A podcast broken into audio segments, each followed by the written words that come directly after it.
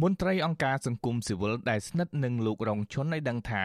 ការចាប់ដាក់ពន្ធនាគារនិងការផ្ដន់ទោសមិនអាចបំបាក់ស្មារតីអ្នកការពារសិទ្ធិមនុស្ស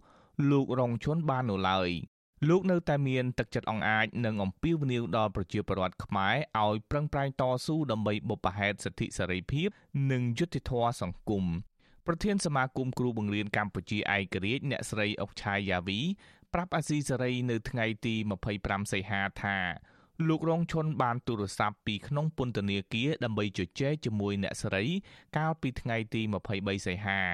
អ្នកស្រីឲ្យដឹងថានៅក្នុងការសន្ទនានោះលោករងឈុនមានសារសំខាន់មួយទៅកាន់ប្រជាពលរដ្ឋគឺលោកស្នើឲ្យសកម្មជននិងពលរដ្ឋគុំបាក់ស្បាត នៅពេលឃើញរូបលោកនិងអ្នកស្នេហាជាតិដទៃទៀតត្រូវជាប់ឃុំក្នុងពន្ធនាគារ ប៉ុន្តែត្រូវពង្រឹងជំហរឡើងវិញ ដើម្បីបន្តបេសកកម្មទាមទារសិទ្ធិសេរីភាព និងយុត្តិធម៌សង្គមតទៅមុខទៀត គាត់អត់ចង់ឲ្យពួកយើងនឹងអោបដៃឈរមើលឃើញការអាក្រក់នឹងហើយនាំគ្នា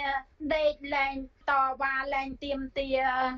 អ្នកខ្លះយកអាតម្រេះវិជាដែលខ្លួនឯងមានទៅធ្វើឈួតលីលាតាមអ្វីដែលការភ័យខ្លាចការគម្រាមកំហែងហ្នឹងហើយអញ្ចឹងណាគាត់ថាគាត់ចង់ឲ្យពួកយើងហ្នឹងរឹងប៉ឹងឡើងអ្នកស្រីអុកឆាយាវីដឹងទៀតថាលោករងជុនបានប្រាប់អ្នកស្រីដោយក្តីមើងម៉ាត់ថា នៅសល់តែប្រមាណ11ខែទៀតទេលោកនឹងរួចផុតពីការឃុំឃាំងហើយពេលនោះលោកនឹងត្រឡប់ទៅធ្វើការងារសង្គមនិងសិទ្ធិមនុស្សឲ្យសកម្មដូចពីពេលមុនទៀតតុលាការក្រុងភ្នំពេញបានផ្តន្ទាទោសលោករងឈុនឲ្យជាប់ពន្ធនាគារ2ឆ្នាំពីបទញុះញង់ឲ្យប្រព្រឹត្តអំពើបង្កឲ្យមានភាពវឹកវរធ្ងន់ធ្ងរដល់សន្តិសុខសង្គមដោយសារតែការបញ្ចេញមតិរិះគន់បញ្ហាព្រំដែនកម្ពុជាវៀតណាម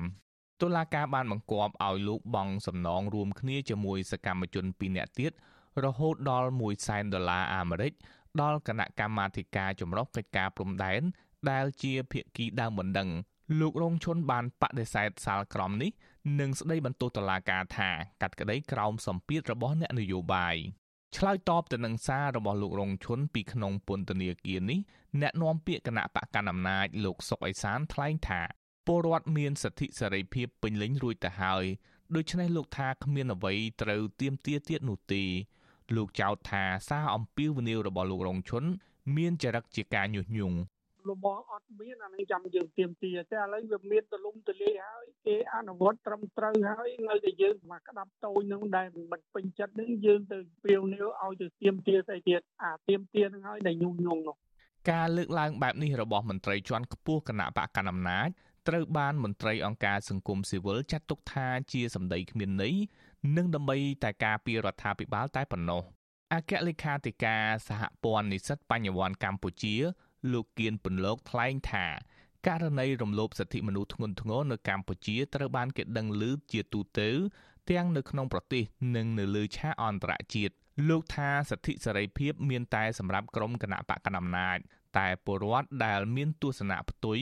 ក្រុមអង្គការសង្គមស៊ីវិលដែលធ្វើការដោយឯករាជ្យនិងសកម្មជនដែលធ្វើការដើម្បីប្រយោជន៍សង្គមរងភាពអយុត្តិធម៌និងការរំលោភបំពានសិទ្ធិដោយឥតស្រាកស្រាន។លោកគៀនពន្លកថ្លែងថាលោកគាំទ្រសារអំពាវនាវរបស់លោករងឈុនព្រោះសារនេះឆ្លុះបញ្ចាំងថាលោកនៅតែគិតប្រយោជន៍ពលរដ្ឋជាធំទោះក្នុងស្ថានភាពលំបាកខ្លួនបែបណាក៏ដោយ គាត់ជាអ្នកស្នេហាជាតិពិតប្រាកដដែលបាន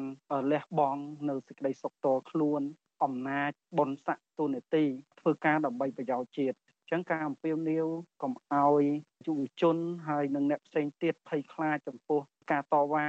ការតស៊ូពីភាពអយុត្តិធម៌ក្នុងសង្គមនេះហើយខ្ញុំគិតថាគឺជារឿងល្អមួយដែលលោកគ្រូគិតប្រយោជន៍ប្រទេសជាតិជាធំគឺប្រយោជន៍រួមមិនបានគិតប្រយោជន៍តខ្លួនទេ គិតត្រឹមចុងខែសីហានេះលោករងឈុនបានជាប់ឃុំក្នុងពន្ធនាគារអស់រយៈពេល1ឆ្នាំមកហើយលោកត្រូវជាប់ឃុំបន្តទៀតតាមអំណាចសាលក្រមរបស់តុលាការក្រុងភ្នំពេញដែលផ្ដន្ទាទោសលោករហូតដល់កម្រិតខ្ពស់បំផុតនៃទោស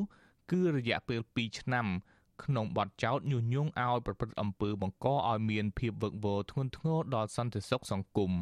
ក្រមប្រទេសប្រជាធិបតេយ្យអង្គការសង្គមស៊ីវិលជាតិអន្តរជាតិ ព្រមទាំងអ្នកជំនាញសិទ្ធិមនុស្សរបស់អង្គការសហប្រជាជាតិបានចេញសេចក្តីថ្លែងការណ៍ថ្កោលទោសរបបលោកហ៊ុនសែនជាបន្តបន្ទាប់ជុំវិញការផ្ដន់ទោសនិងការបន្តឃុំខ្លួនលោករងឈុនពួកគេវាយតម្លៃថាករណីលោករងឈុននេះគឺជាការដាក់ទោសលើសិទ្ធិសេរីភាពបញ្ចេញមតិ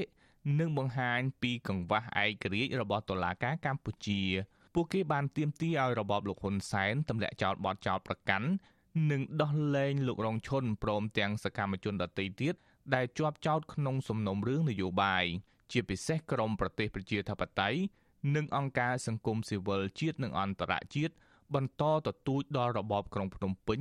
ឲ្យគោរពសិទ្ធិមនុស្សស្របតាមច្បាប់កម្ពុជានិងការបដិញ្ញាចិត្តរបស់ខ្លួនជាអន្តរជាតិខ្ញុំយុនសាមៀនអាស៊ីសេរីប្រធានាធិបតី Washington